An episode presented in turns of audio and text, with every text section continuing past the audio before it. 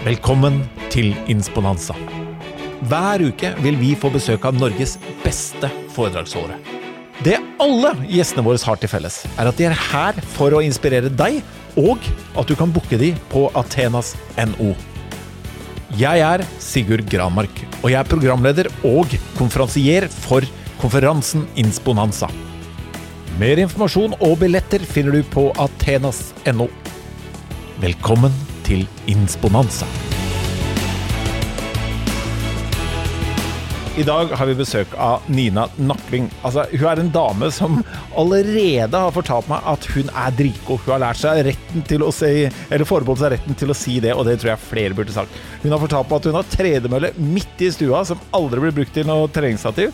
På den tredemølla så ser hun på sexy menn og alt som er annet som er på Netflix. Men i tillegg så har hun for mange år siden, i 2008, starta sitt eget firma som heter Nakling Entusiasme. Og vær forberedt, her kommer det entusiasme, altså. Men hun er også utdannet pedagog, hun er videreutdannet innen endringsledelse, veiledning og coaching og, og pedagogisk utviklings, utviklingsarbeid. Og i tillegg, i 2016, så fullførte Nina en master i utdanningsledelse ved Universitetet i Sørøst-Norge. Og hun har allerede også sagt, på de få minuttene vi har hatt sammen, at hun elsker eksamen. Nina, hjertelig velkommen til Insponanza. Tusen takk! Så hyggelig å få lov å komme hit. Det er så bra. Ja, Det skjønner jeg, men hvorfor elsker du eksamen, da? Altså, men eksamen, det er, det er studieårets beste dag. Og jeg kommer aldri til å glemme hvordan jeg kom på at dette var så bra. Jeg gikk i sjette klasse, det som er syvende nå. Så sier læreren vår at nå må vi, vi skal øve på noe som heter heldags. Og jeg bare Hva er en hel dags? Ja, det er en prøve som varer en hel dag. Og jeg bare tenkte, er det helt sant? Og så sa læreren de magiske ordene som jeg aldri har glemt, og det var du kan ta med brus og godteri. Wow. Altså! Hallo! Det er Instavind! Det er en hel dag hvor du kan trøkke i deg brus og godteri, og eksamen er aldri på lørdag! Så hver uke det er eksamen, så er det flere lørdager! Så I mitt vokabular så har jeg altså brus og godteri da i matte, brus og godteri da i engelsk, og det er eksamen da for andre. Nydelig! Jeg tror den presiseringa du gjorde i mitt vokabular er ganske, ganske unik. Men, men, du jobber jo med, med, barn, du jobber med voksne, og eh, det vi kanskje alle har Jeg jobber jo med, med, voksne også, og noen ganger holder jeg kurs på dem hvor de må lære ting. Det, kanskje det i hvert fall som vi har til felles, er at vi stort sett syns eksamen er skummelt. Eh, før vi går inn er det vi skal snakke om barn og din pedagogikk, og også hvor overførbart mye av dette her er til voksne. Hvis du skulle ha én ting med en gang for å gjøre folk litt nysgjerrige, hva er det vi skal prate om om en ti minutter, om hva som er likt mellom barn og voksne?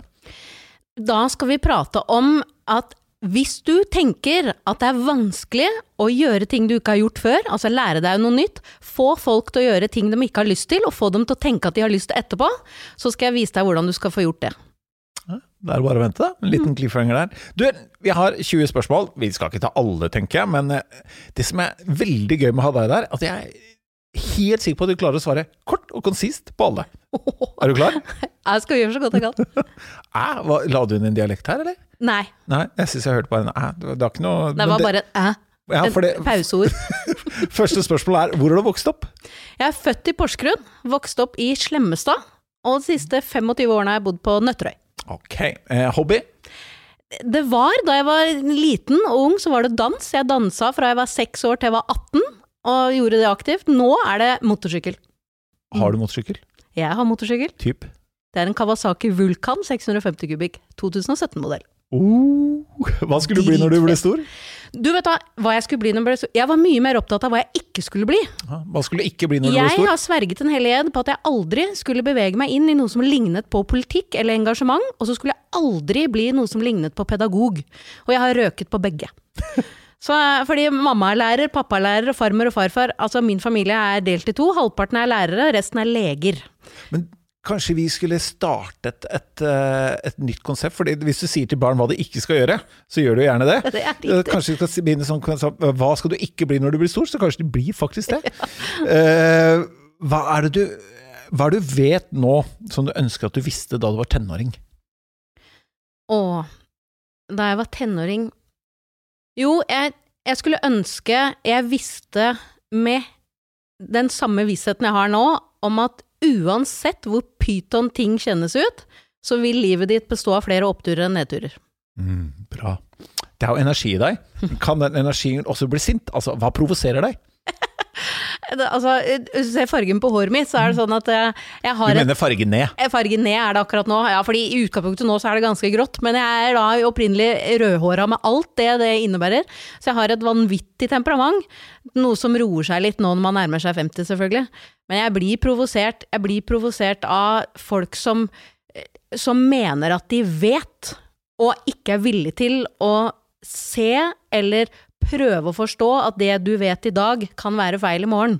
Altså når folk er 100% bombastiske, ikke villige til å ta inn noe annet, å, da Da kan du fyre litt. Ja. Eh, Jeg vil gjerne presisere da, til eh, den observante lytter som sa at nå er, nå er det jo Du sa at det var grått, det var ikke dit jeg ville. Men du har noen røde striper, du har litt forskjellige er striper og lysestriper og sånn, så jeg, jeg siktet overhodet ikke til det. Det hadde jeg aldri tort. Det, sånt ble jeg ikke provosert over. Ikke Nei, i det hele tatt. Nei, men jeg, jeg vil ikke at det skal henge der, altså. Hva gleder deg? Og jeg blir, jeg blir glad av folk som smiler. Det Ja. syns jeg er noe av det mest fantastiske. Jeg elsker f.eks. den gangen vi reiste mye Ja. og var på Gardermoen. Jeg elsker å smile til folk, for det kommer altså så mye morsomme reaksjoner av det. Og spesielt til barn, fordi barn reagerer jo umiddelbart. Så glad folk, det gleder meg. Ja, helt enig. Altså. Jeg har ganske få andre krav til folk enn at de er blide. Eh, nå skal vi ha litt sånn eh, A- og B-spørsmål. Eh, film eller bok? Bok. Kunst eller idrett? Idrett. SMS eller ringe? Å ringe. Lede eller bli ledet? Lede. Lytte eller snakke? Å, nå hører jeg mamma si lytte, men det er ljug. Det er snakke. Mest stolt av ved deg selv? Mest stolt av meg selv. Og, og det er litt sånn at man nesten skulle blitt litt dyp, men jeg er, jeg er stolt av at jeg i en alder av 48 fortsatt er har evne til å se fremover, tenke at det er flere oppturer enn nedturer, og at jeg står stødig på egne bein.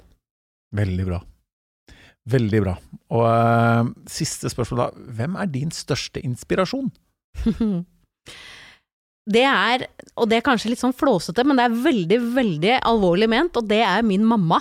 Ja. Min mamma er en fantastisk dame. Hun, har, hun er et oppkomme av kunnskap. Hun har, spiser fagbøker, det har hun gjort bestandig. Og hun ble, mamma og pappa ble skilt da jeg var ganske ung, og hun har sammen med broderen og meg skapt en fantastisk ungdomstid. Hun er en klippe i alt som er, og hun evner også å si nå må du ta deg sammen og oppføre deg som en idiot når jeg gjør det, og det respekterer jeg veldig. Fantastisk. Hva heter moren din? Mette Vavik. Ja, bra, altså. Veldig bra. Og hvis du da tar eh, Når Mette sier til deg nå ta deg sammen, du må oppføre, nå oppføre deg som en idiot. Mm. Eh, kanskje ikke direkte overførbart, men når vi skal få folk til å endre seg, da, altså noe som du har utdannelsesbak, du jobber mye med det, eh, eh, liker tilnærmingen til det, holder det å si ta deg sammen, eller? Eller er det Nei. sånn eh, vi kan si når vi, vi har blodsbånd? Mhm. Jeg tenker at noen ganger så skal man si det. For noen ganger så blir vi stående i en sånn Du vet du står og spinner bare i gjørma. Og det blir litt sånn å grave seg ned for å grave seg ned sin skyld. Og da er det lov å si men øy, stopp opp nå. nå. Nå må du pause litt. Og det kan jo være det samme som å ta deg sammen. Ikke nødvendigvis at du da skal legge bort alt som er vanskelig, men å stoppe opp litt. Så hvis ta deg sammen kan bety det, så ja. Men for å få folk til å endre, så tror jeg først og fremst de må se, forstå eller kjenne godt etter hva endring egentlig er. Jeg tror veldig mange er redd for det der endringsord. Utvikling er liksom så mye fetere! Det er så veldig bra og fint og anerkjent, mens endring, det er liksom mm, litt eklere smak på. Men hva er egentlig endring? Ja, hva er det? Jeg, jeg tenker at endring er jo Endring er jo livet. Endring er jo egentlig bare bevegelse. Og det kjipeste som kan skje i et menneskes liv, er når ting stopper opp helt. Og, og livet handler jo om at du blir født, og så er du på verdens feteste tur. Det er ingen tur i verden som er kulere enn livet. Og det er en reise fremover.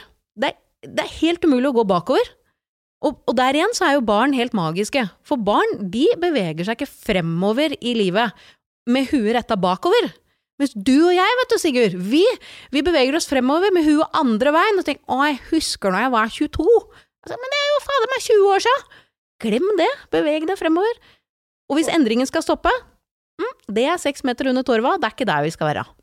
Nei, ok, for, ja, bra, så jeg skal henge på her. Fordi hvis barn, vet du, de ser bare fremover, som du sier. De beveger seg ikke med fortiden inn i fremtiden.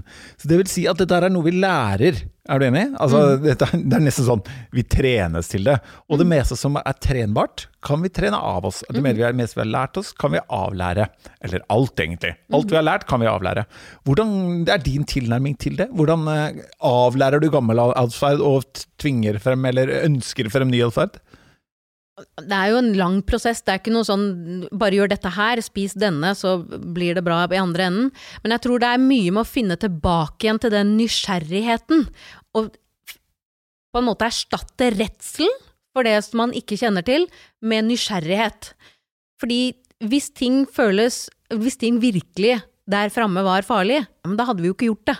Men at det er uvant og nytt, det skaper en følelse i kroppen. Men hvis den følelsen kan kobles til nysgjerrighet, så tror jeg vi er veldig, veldig mye lengre frem med en gang.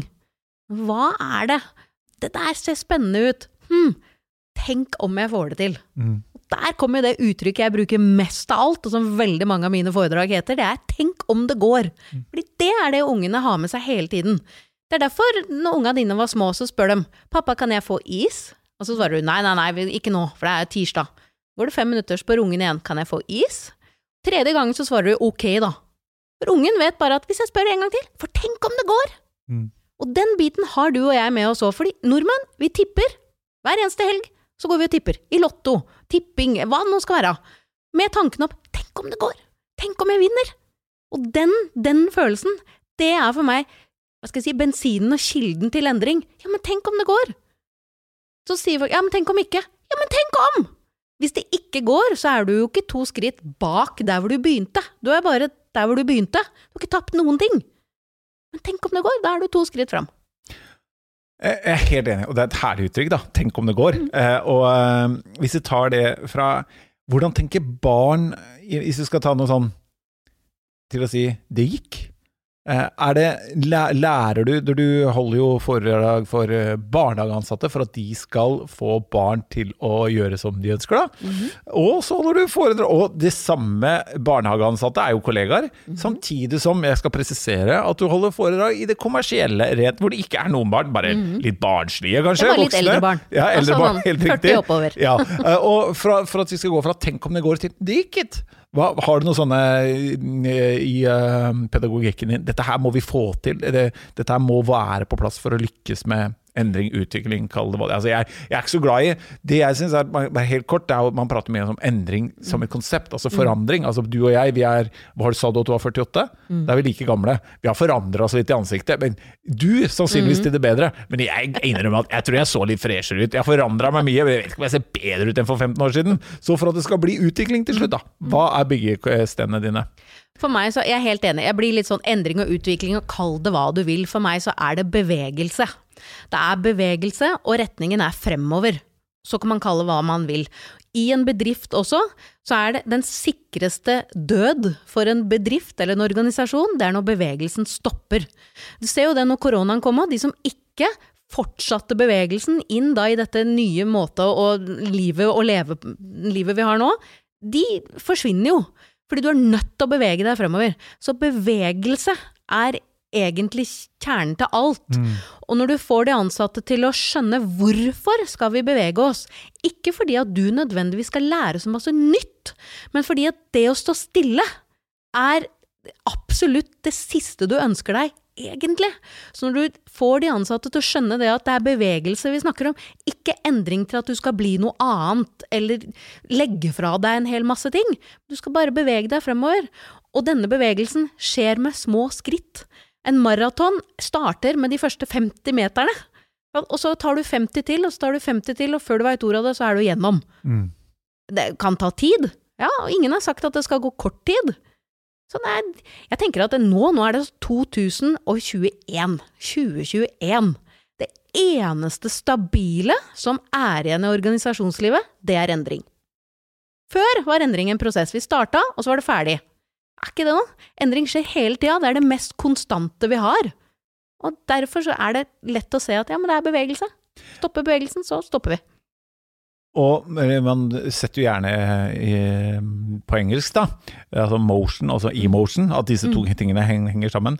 Men hva er det eh, hvis du skulle gitt eh, ledere eller medarbeidere, enten ledere som skal få andre, eller med medarbeidere som sitter og lurer på det kommer en del lenger, hva, hva er det For å få det første steget, da, hva, hva, hva gjør man? Som leder tror jeg det er viktig at du selv faktisk har lyst på den bevegelsen. For hvis du ljuger for deg sjøl og sier at dette her er en retning og bevegelse jeg egentlig ikke vil, det syns med en eneste gang. Så du som leder må du starte med deg sjøl. Du må virkelig ville det der. Du må skjønne hvorfor du vil det, hva du skal gjøre for å få det til. Den lysten må være så forankra i lederen. Fordi de ansatte vil lete etter tegn på at lederen egentlig ikke tror på det. Men når lederen tror på det ordentlig, så er det mye lettere å få de andre til å tro på det. Og så er dette hvorfor-spørsmålet mye, mye viktigere i dag enn det var for kanskje 10-20 år siden. Fordi folk er ikke på jobben nå og bare gjør ting. De vil vite men hvorfor skal jeg gjøre det her? Og på hvilken måte kan jeg være med å påvirke denne bedriften? Er det et poeng for bedriften at jeg er her? Hva slags nytte kan jeg gjøre? De, må, de vil kjenne at det er meningsfullt. Så du må ville det som leder, og så må du få de ansatte å skjønne hvorfor, sånn at de kan kjenne gleden ved bevegelsen, de òg. Hvorfor skal jeg løpe den maraton? Jeg gidder ikke det. Jo, men fordi at vi skal innom der, og skal vi se der, og så Ja, ok, ja, men da er jeg med. Og jeg er helt enig, bortsett fra én ting. Eh, det er Eller det er, du har ikke sagt det, men det, som, det, er jo den store skuffelsen når man jobber med, med ledere i mange år, da, som eh, både du har gjort, er at mm de er jo forvekslingsvis like oss andre mennesker, da, med sine mangler, og det er jo det som det er. Og det fins mange dårlige ledere der, like mm. mange som det er dårlige medarbeidere. Hvis jeg, Sigurd Ramark, sitter med Nina Nakling som leder, da mm. ja, Hun hjelper meg ikke med noe hvorfor, eller Nina er opptatt med å være opptatt. Hun driver og jobber og står på og sender rapporter og er opptatt av å vise seg fram for ledelsen. Og har glemt meg, jeg vet ikke om jeg vet jeg sitter på et hjemmekontoret. Hva gjør jeg som medarbeider? Gitt at ingen hjelper meg, men jeg, mm. ikke sant, ansvaret mm ligger jo hos meg også, hvis jeg mm. ikke får hjelp av andre. Så ikke skyld på Hvis jeg sier mm. ok, ikke sitt og ha dårlig motion, altså dårlige følelser i kroppen din for at lederen ikke gjør sitt ansvar. Hva gjør jeg selvstendig som Du har skrevet en bok som mm. heter Superkollega. Mm -hmm. eh, og hvis du da skal ta vare på kollegaene dine, for vi har en dårlig leder, da, la oss gå dit, hva gjør vi? Jeg har lyst til å starte med ordet medarbeider. For det står ikke enearbeider er medarbeider, så du arbeider med. Mm. Det betyr at du har et ansvar for din egen arbeidsplass og din egen arbeidsglede. Og så er vi mennesker, vi er, vi er jo deilig laga. Det er at alle liker å, å få den derre hjelpen og støtten og så videre. Og så sitter vi og venter på den. Da sier jeg, men begynn! Begynn med å være det du ønsker at de andre er med deg. Og det er litt av den superkollegaboka også, være med på å gjøre hverandre gode. For hvis det er 20 ansatte, og hver eneste en av de 20 har én oppgave, det er å gjøre de 19 andre gode. Mm. Jeg skal sørge for at hva trenger Sigurd Nå, nå tror jeg kanskje Sigurd kjeder seg litt på hjemmekontoret. Hva trenger han? Jo, han trenger at kanskje jeg ringer han opp. Så tar vi en sånn en, en videokaffe. Det, vet, det hadde Sigurd satt pris på, Ja, da gjør jeg det. Det som veldig mange tenker da, er ja, men hvem skal da ta vare på meg? Mm. Jo, men du er jo en av de 19 andre som Sigurd tar vare på. Så hvis vi gjør det, har litt blikket retta utover, og blir og gjør det vi selv ønsker at andre skal være og gjøre med oss, så vinner vi alle sammen. Når folk sier 'jeg skulle ønske jeg hadde gode naboer', ja, det tror jeg naboene dine ønsker seg òg. ja. Start med å være en god nabo. Jeg mm. lover deg, du får gode naboer. Er, så det, medarbeider handler om at du har et medansvar, et medlederansvar. Så hvis du sitter på et hjemmekontor og kjenner mm, sjefen hører meg ikke, ser meg ikke, jeg føler meg aleine, ring sjefen og si du, nå syns jeg det er lenge siden du har ringt til meg. Ta det ansvaret sjøl.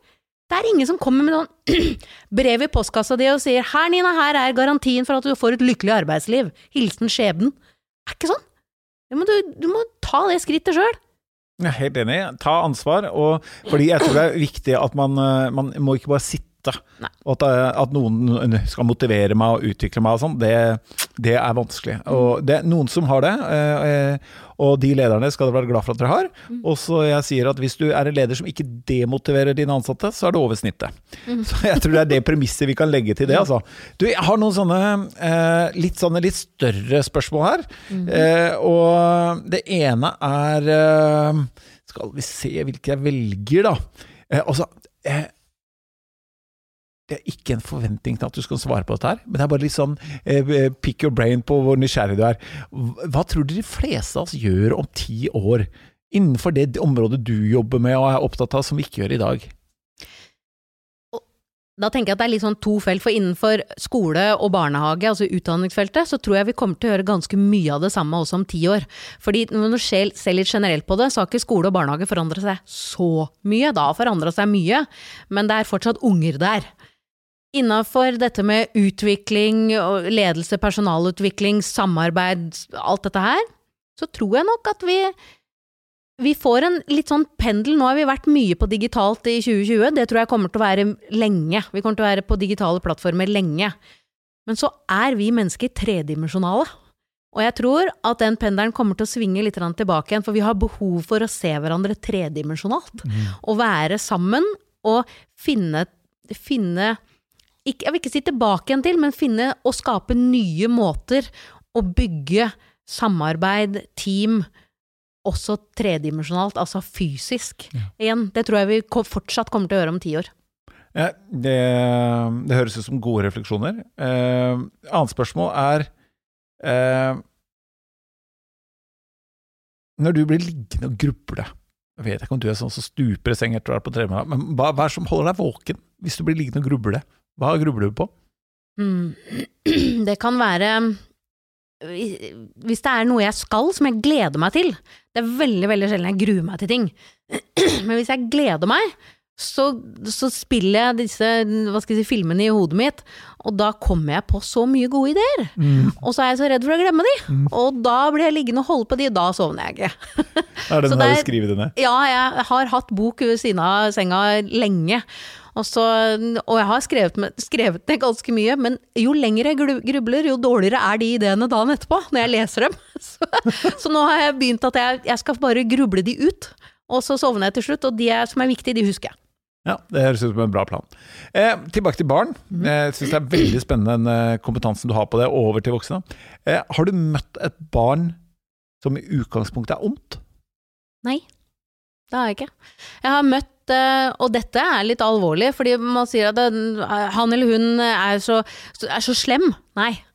Barn er ikke vanskelige, de er ikke slemme, men de har det vanskelig, og har opplevd slemme ting. Det er to helt forskjellige ting. Helt enig. Mm. Og hvis vi skal tørre nå, eh, med den eh, unike kompetansen du har inni her, da, og veldig mange av de som eh, lytter til denne podkasten, har barn, eller vil komme til å få barn. Og ære være de som sier at 'jeg vil ikke ha det'. Det er altså helt greit for meg, altså. Mm -hmm. eh, men de som har, eller kommer til å få, eh, rundt dette her med barn, og, og folk opplever jo Mange syns det er krevende. Mm. Eh, hva ser du der? Hvordan kan vi ha en tilnærming til eh, Det trenger ikke bare være pedagogikken din, men som barneoppdragelse, som du kan dele? Mm. Og det er, det er, fristende å si at det, Husk på det at barn Barn er Det er to ting som skiller et barn fra deg, og det er kjøtt og ansiennitet. Ja. Altså, du veier litt mer, er litt lengre, litt breiere, du er rett og slett fysisk større, og så har du levd litt lenger. Utover det så er dere akkurat det samme. Sånn at det, så vær deg sjøl sammen med ungene, ikke lat som om. Fordi at barn er racere på å avsløre om du tuller det til. Så, så vær deg sjøl, og så er det sånn at jeg sier til foreldre når jeg har de på foreldrekurs, så den viktigste oppgaven din som mamma eller pappa, det er å elske ungen din. Ja. Gjør det med alt du eier og har. Det betyr ikke at du skal si til ungen 'jeg elsker deg, jeg elsker deg', da tenker ungen 'slapp av litt, det blir litt mye nå'. Men gjør det så ungen ser det, hører det og føler det hver eneste dag. Og spesielt når ungen gjør rampestreker. Så er det enda viktigere å si at du kommer til å gjøre mye dumt. Og nå har du bare så vidt begynt. Du er bare fem år. Tenk hvor mye dumt den ungen kommer til å gjøre. Uansett så har du en base hvor noen elsker deg. Uansett. Det er det viktigste, og har du det, så kan du nesten ikke gjøre feil. Og alle de bommertene du gjør, går an å rette opp, hvis du som voksen kan innrømme at det var en bommert. Um, ta, ja, jeg vil ta begge delene. Det du sier med følelser, da. For jeg kommer jo fra et uh, hjem hvor vi uh, har ingenting å klage på. Eh, men vi sa aldri at vi elska hverandre. Vi sa aldri at vi var glad i hverandre. Så fikk jeg en datter. Eh, som var, hun er følelsesmessig helt åpen. Hun er så glad i deg, og jeg elsker deg. Så hun, for, og hun sa det første som sa det til farmor. Jeg ingen av, jeg er yngst av fire gutter. da Til ingen av brødrene mine noen gang har sagt det. «Å, farmor ble, å, ikke sant? Så begynte de å si det til hverandre. Så, så Sara trente jo på en måte vår familie til å si det.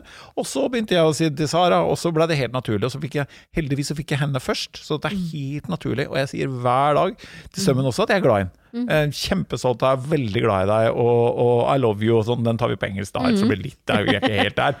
Men eh, det, det, for det er, jeg vet ikke om det er for spesielt for menn, men for min eh, generasjon kanskje også. Det er mange av oss som sliter med å uttrykke ord med følelser, tror jeg. Hva tenker du om det?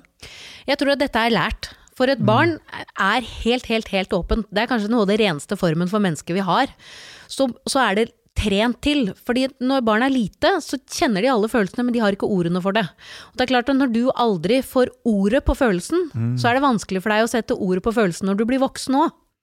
Sånn, så etter hvert, så når du møter voksne som sier at 'Å, nå ser jeg at du er kjempeglad'. Ja, stemmer det. Og nå er jeg veldig glad. Og nå får jeg den følelsen jeg sa med pappa. Ja, men da er jeg jo glad i deg. Og så øves det opp. Sånn at det, dette, dette kan trenes i voksen alder òg. Du sier det jo sjøl, at øh, datteren din begynte, og da begynte du, og så blir det naturlig. Så jeg tror følelser er akkurat like naturlig for alle, men vi har ikke vokabulæret for det, alle. Og så er det noen tenker at ja, det blir litt kleint og litt sånne ting. Men hvis vi putter dette over til, til bedrifter og arbeidslivet da, og organisasjoner, så tenker jeg det er akkurat det arbeidstakerne dine også ønsker seg. Deg som leder. Ikke at du skal gå rundt og si at du elsker arbeidstakerne dine, men du skal vise at du ser dem. Fordi helt fra vi er nyfødte, så er det ett behov som trumfer alt, det er å bli sett. Og det behovet det har vi gjennom hele livet. Og det er derfor vi klager over det, men har du ikke noe bra på jobben? Nei, og hvis vi begynner å bla litt i det, så er det mangel på å bli sett, anerkjent. Hvorfor driver jeg med det jeg driver med? Så det å få tilbake den jeg, jeg ser at du gjør det der, nå har jeg lagt merke til det. Det er utrolig bra. Det er så lite som skal til. Bare det at sjefen sier 'hei, Nina' når du kommer på jobben, er små ting. Sånn? Og så er det jo selvfølgelig mange arbeidsplasser hvor de er gode på dette. Men det, det havner igjen altså tilbake igjen til den tidlige Sett ord på det. Og så er det jo ikke farlig. Det er jo bare en følelse. Ja, altså det her syns jeg er kjempespennende. Eh, Jeg må bare klare å, å følge med selv her nå, så jeg gjør dette riktig. Det er veldig fascinerende, og det tror jeg er min enkelhet og mangel på kompetanse som gjør at jeg ikke har tenkt over at alle følelser blir vi trent til hva er. Nå ser jeg at du er kjempeglad, sa du. Å ja, ja, er det er jeg? Ok, jeg er kjempeglad. Det, ikke sant? For følelser kommer først, og kroppsspråket, så lærer andre også å identifisere hva det er. Fordi jeg har vært litt sånn eh, Eller jeg har vært opptatt av at noen ganger så bruker folk for sterke ord for ofte om følelsene sine. At nå er jeg så rasende. Er du rasende, egentlig? Og, og når du drar dette over til ledelse og til jobb, da, og til medarbeidere og kollegaer, så syns jeg også at eh, Jeg har et sånt uttrykk som sier 'ikke lag drama når det er drama'. At eh, vi har en tendens til å bruke feil ord og uttrykk på de følelsene vi har i næringslivet også. For vi er trent til at det ordet representerer den følelsen, altså motsatt av det vi lærte når vi var barn. da. Så syns jeg vi bruker for sterke ord som gjør at vi nesten klarer å bli liksom misfornøyde over tid i, i, i jobb som er i endring. Ja, nå er det ille her! Ja, ikke sant? Det er helt jævlig her! Ja, ikke sant? Det er helt sånn. Eh, eh, Kan du kjenne igjen det også andre veien? Ja, ja. Men jeg tror at det er Igjen så er det disse ordene sant, som, som betyr ulikt. Hvis jeg hadde sagt at jeg elsker å være her sammen med deg, Sigurd, så hadde du tenkt bare vent litt nå, jeg har kone og barn og hallo. Sant? Mens for meg så kan det være bare dette syns jeg er kjempestas. Ikke sant? Og da igjen, når man da får en følelse i møte med et ord, så er det sånn Hæ? Ja, så voldsomt var det ikke for meg, men hva mente du egentlig? Nå ble jeg litt interessert, for nå har vi tydelig ulik oppfattelse av dette. Og så være nysgjerrig på hverandre, for det gjør barn òg. Barn helt ned i halvannetårsalderen, så er det sånn at de kan møte hverandre om morgenen, og så babler de i vei og klemmer hverandre, og vi sier 'gud, så søte'. Men for dem så er det jo en sånn 'hei, der er du jo', jeg savnet deg fra i går, og så får vi vært sammen igjen i dag. Kjempefint. Ja. Og så har de ikke de sperrene. Vi skal ikke gå rundt oss og gjøre akkurat som barn, men den derre finne tilbake igjen til det helt enkle, fordi følelser er ikke vanskelig. Det er når vi begynner å legge alle de lagene med tolkning på, det er da det begynner å bli vanskelig. Og så er det lov i arbeidslivet å bli både lei seg og sint og, og alt, men det kan hende at det er en jeg, jeg, ble, jeg reagerte litt på det som skjedde, jeg ble ikke rasende. Jeg, rasende ser helt annerledes ut. Ja, ikke sant? Det, jeg, jeg, er helt enig i det. Vi hadde Dora Torolsdottir her. Hun sa at de fleste, når hun opplever folk med følelser av inneslutta, sånn, kan gå tilbake til barndommen. Denne blir litt sånn freudiansk nesten, da. Mm. Er du enig i det? Ja. Eh, ja. Ja, fordi at igjen da, der er jo fram til vi er sånn seks, sju, åtte år, så trenes jo mye av dette. Og det er klart at ting som har skjedd der, ting som har blitt lagt lokk på, eksempel, liksom, hvis du aldri har fått lov til, som jente da kanskje, å være sint. Jenter skal ikke være sinte, sant? Og så har du, nei nei, ok, det er en følelse som ikke er akseptert. Og så er vi jo sinte. Altså, Sinne er jo et av grunnfølelsene våre. Så hvis du legger lokk på det, og, og da er det ikke noe rart at du har vanskeligheter med den følelsen seinere. Eller hvis du aldri har fått lov til å vise at du virkelig elsker moren og faren din, eller, så vil du ha vanskeligheter med det. Mm. Så det er klart at dette henger sammen med ting som har skjedd tidlig i barndom. Og så er det viktig å si at hvis noen nå sitter og føler at ja, da er jeg helt ødelagt, for jeg hadde det sånn og sånn, Ja. så er det enhver grunnmur kan pusses opp. Det er aldri for sent. Nei, og det, det, Det tror jeg. viktig. Men du må begynne å pusse, da. Du må, du kan, hvis du blir det offeret, bare legger deg tilbake. Altså, jeg har feil grupper, jeg. Mm. Uflaks. Eh, Jeg syns det er morsomt å se liten sånn avsporing, da. Men eh, det Farmen kjendis går jo om dagen, og der har jo Norge eh, klart å få seg en ny kjælelege. Til tross for han sa at uh, uh, personer av samme kjønn ikke kan gifte seg i kirken. Men han mente jo ikke noe vondt med det, han bare misforsto litt av greia. Men der ser du at han er jo tydeligvis vært ganske mye sammen med faren sin. da. Akkurat Akkurat samme tale, både tale feil og språk, og bruker ord som efter og nu og sånn. Og eh, blir satt inn i en annen sosial setting. Og den derre rollemodellen som, eh, som du sa mamma og pappa er. Eh, og jeg mener jo eh, Det er ikke mer enn eh, noen få dager siden jeg var sammen med en kunde på nordisk nivå hvor jeg sa for alt som skjer i verdibasert ledelse, alt som skjer i deres eh, organisasjon, så er dere rollemodeller. Eh, snakker du om dette her i foredragene dine? Masse. Masse. Fordi at det, for meg så er det den viktigste ressursen av alt på hele denne planeten, det er folka som bor her. Altså, se på disse plassene i verden hvor de har ingenting av fysiske og materielle ressurser, men det er jo noen mennesker med en så kraft som Altså, som når oss ikke til leggen engang. Sant? Så den, der, den kraften og den ressursen som ligger i menneskene, den er helt enorm. Og det er klart at når du er leder for noen, så vil de andre se på deg. Akkurat som vi gjorde når vi var barn. Så så vi på de andre, og så hermer vi. Det er jo en av de læringsstrategiene vi mennesker har. Vi ser på noen, og så hermer vi. Ikke for å bli akkurat lik, men for å teste ut noen har gått den løypa før. Det må du ha med deg. Så som leder, om det er mellomleder eller toppleder, så lenge du har noen du er leder for, så vil det du sier og det du gjør og den du er, det vil ha påvirkning på alle de andre. Men dette gjelder vel også for en kollega, tenker jeg? Absolutt. Så lenge du er sammen med folk. Ja, ja og, vi, vi er sånn, og det, jeg tror at den der praksisen der, altså eh, hva du gjør Trenger ikke å være enige om så veldig mye kompliserte greier, men det du er enig om, det må vi gjøre. Det, og det, men jeg tror eh, veldig mange er opptatt av det på ledernivå, men jeg mener det også på medarbeidernivå. Vi må ha et medarbeideransvar da, som viser at vi også må og, og det er jo ikke noe sånn at du kan senke din egen moral for at sjefen din er sånn eller den er sånn. Da er det greit, da senker den moralen og din moralske og etiske standard må du jo sette selv. Og der må jeg skyte inn, for det er derfor igjen det heter medarbeider. Du arbeider med, du har et medlederansvar, du har et medarbeideransvar. Du, du kan ikke tulle bort det. Nei, eh, man kan ikke det, men, men altså, det er utrolig deilig, da.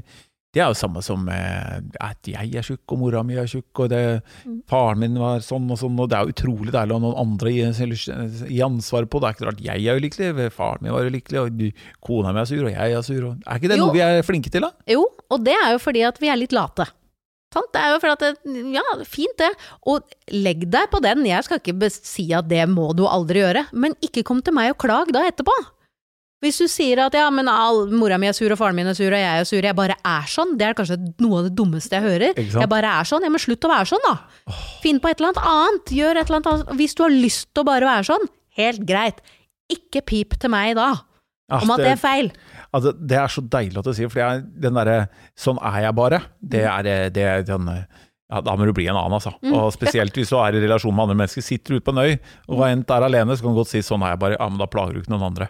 Men jeg, jeg er helt enig, fordi eh, det er litt sånn med dårlig medarbeiderskap og dårlig ledelse, det er litt sånn som å være død. Det er mest jævlig for de som, er, som sitter igjen, og som, eh, som er rundt deg. Og da er vi tilbake igjen til bevegelse. For da er det sånn, jeg bare er sånn. Det er, jeg står stille her, for jeg har ikke tenkt å flytte på meg. Ok, men da går vi fra deg. Ja, det, er- det, og det har man rett til. Eh, for deg, hva er forskjellen på å leve og være i live? Å leve, da er, det er et liv med bevegelse. Å være i live, da står du og venter på at ting skal mm, skje. Da venter du på at du får mat via sonde. Mens å, å leve, da sørger for maten sjæl. Mm, bra svar, veldig bra. Eh, vi skal bli husket for én ting. Hva skal være ettermælet til Nina? Vi skal bli husket for én ting. Ikke barna dine, du trenger ikke tenke på familien din og han kjæresten din som får den gode pizzaen.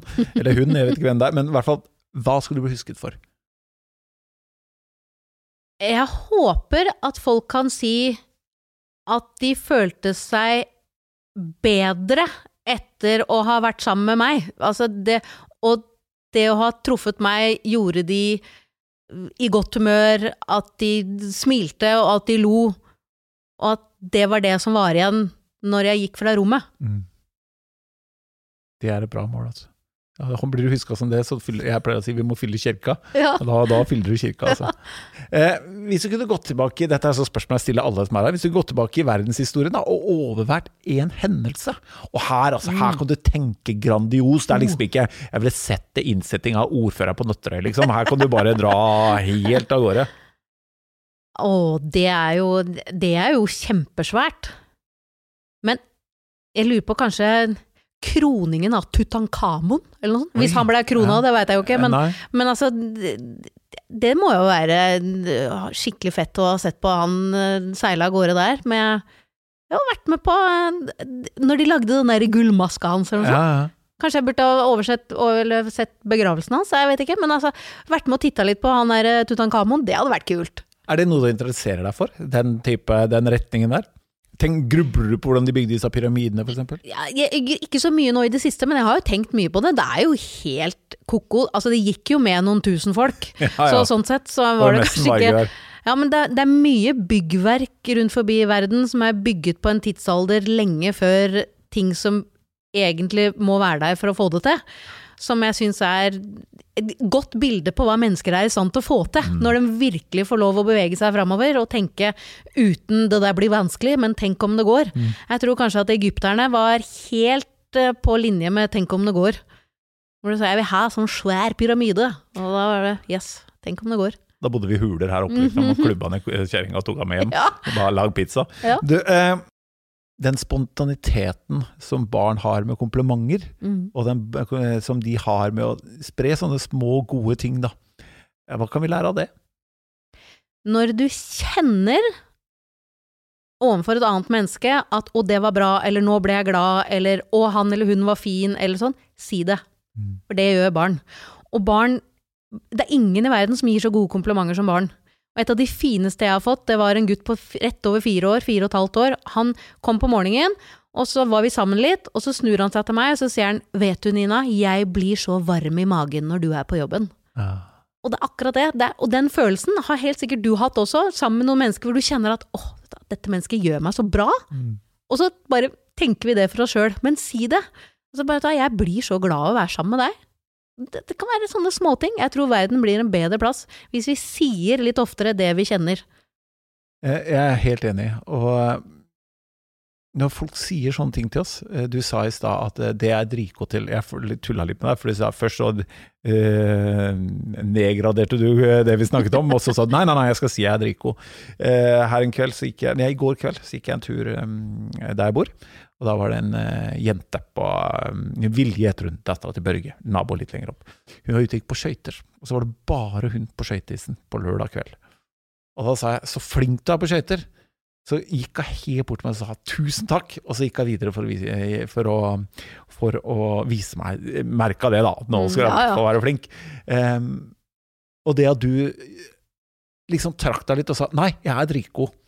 Eh, når, når folk uttrykker følelser av oss og sier 'jeg blir glad og ser deg', jeg merker at jeg blir glad. Eh, hvorfor tror du med din pedagogiske bakgrunn at vi er så flinke til å si 'nei, jeg da'? Jeg, jeg, tror det også er tillært, da. Også, vi sier jo litt av den norske beskjedenheten. Og vi, vi ser, sier jo ofte kanskje om amerikanerne at de er, er så store med ord og sånn. Så tenker jeg at vi, har, vi er jo vokst opp med en fyr som heter Jante. Og du skal ikke si, og du skal ikke være, og så videre. Så jeg tror det er tillært. Og, så, og på ett vis så er det ok. Altså, du trenger ikke bli svulstig og, og sånne ting. Men, men igjen, da, da har jeg lyst til å trekke fram denne min o store helt, mamma, som kom med et råd for mange år siden til meg, og det var når noen sier noe fint til deg, hold kjeft og si takk. Mm. Fordi at det, umiddelbart får jeg lyst til å si at det, ja, ja, sånn, men bare takk. Har du Mette hun het? Jeg merker at jeg begynner å få lyst, jeg å få lyst til å treffe Mette, altså. Det er helt enig. Hold kjeft og si takk, liksom. Hold kjeft og si takk. Det er som jeg, Mai, min vakre kone. Uh, jeg var, dette er lenge siden nå, sikkert uh, det var i sommer en gang, for det var sist gang vi dro på besøk, så skulle jeg velge mellom to antrekk. Jeg hadde ikke sett det første, men det kom med første antrekket, så sier hun 'Hva syns du om det her?' sier jeg 'Jo, den var fin', var fin. Så sa 'Liker du ikke den heller?' Nei. Jeg hadde ikke sett den første gang! Og jeg sa den var fin! Da, da, da begynner det å bli vanskelig, altså. Eh, vi, vi, nærmer oss slutten, men jeg eh, Du er jo en litt sånn derre eh, konfekteske, da. Eh, You never know what you're gonna get. Eh, hva er det du kan som Og problemer, eh, ikke utfordringer, jeg liker å kalle det problemer, som næringslivet For jeg, du er jo dronninga av eh, pedagogikk og barnehage og under, uh, lærere den siden her. Så det kommersielle, hvilke problem er det de har som du kan løse? Jeg, det, av og til så Rørleggere snakker om at rør kan bli tette. Jeg tror at organisasjoner også kan bli det. Hvor man liksom cluster together, og ting blir litt sånn Og så kommer man ikke videre. Jeg kan få den proppen til å løsne. Jeg kan få folk til å se på hverandre på litt nye måter. Jeg kan få folk til å ville gå fremover igjen. Finne tilbake en litt entusiasme og lysten. Altså, jeg elsker folk som er gode i jobben sin. Ett fett hva det er de driver med. Men å virkelig være gode i jobben sin og ha den derre passion for det, jeg, for det jeg driver med, det kan jeg være med på å skape igjen, for vi har det i oss alle sammen. Og uten entusiasme så visner vi, og visne blomster er kjipe. Men folk med entusiasme og vilje og glød, de kan nå hvor som helst. Så det det der med å skape ny lyst, nytt engasjement, se andre løsninger, eh, skape vilje, kraft ja, jeg tror det er mye å finne tilbake igjen til Jeg kan komme og gi inspirasjon, og så kan jeg jobbe litt over tid for å være med på å skape motivasjon. Bra. Um, nå har du kjørt helt fra Nøtterøy for å mm. komme hit, og, um, og var så heldig å snakke med oss. Alle smittevern ivaretatt. Um, er det noe jeg da, når du først har tatt den turen ja, Du har satt i bilen, jeg håper han der Sigurd spør meg om det. Altså. Er det noe vi burde ha dekt som vi ikke har dekt? Å, det er jo Jeg burde sikkert ha sagt ja og så kommet nå med en lang tirade, men uh, ikke noe sånn umiddelbart. Men jeg tenker sånn i forhold til næringslivet, for veldig mange av de som jeg hører på nå, er jo ikke fra min sektor. Og jeg vil si det at jeg, hvis det er noen du skal ta sjansen på, så er det pedagogen fra barnehagefeltet.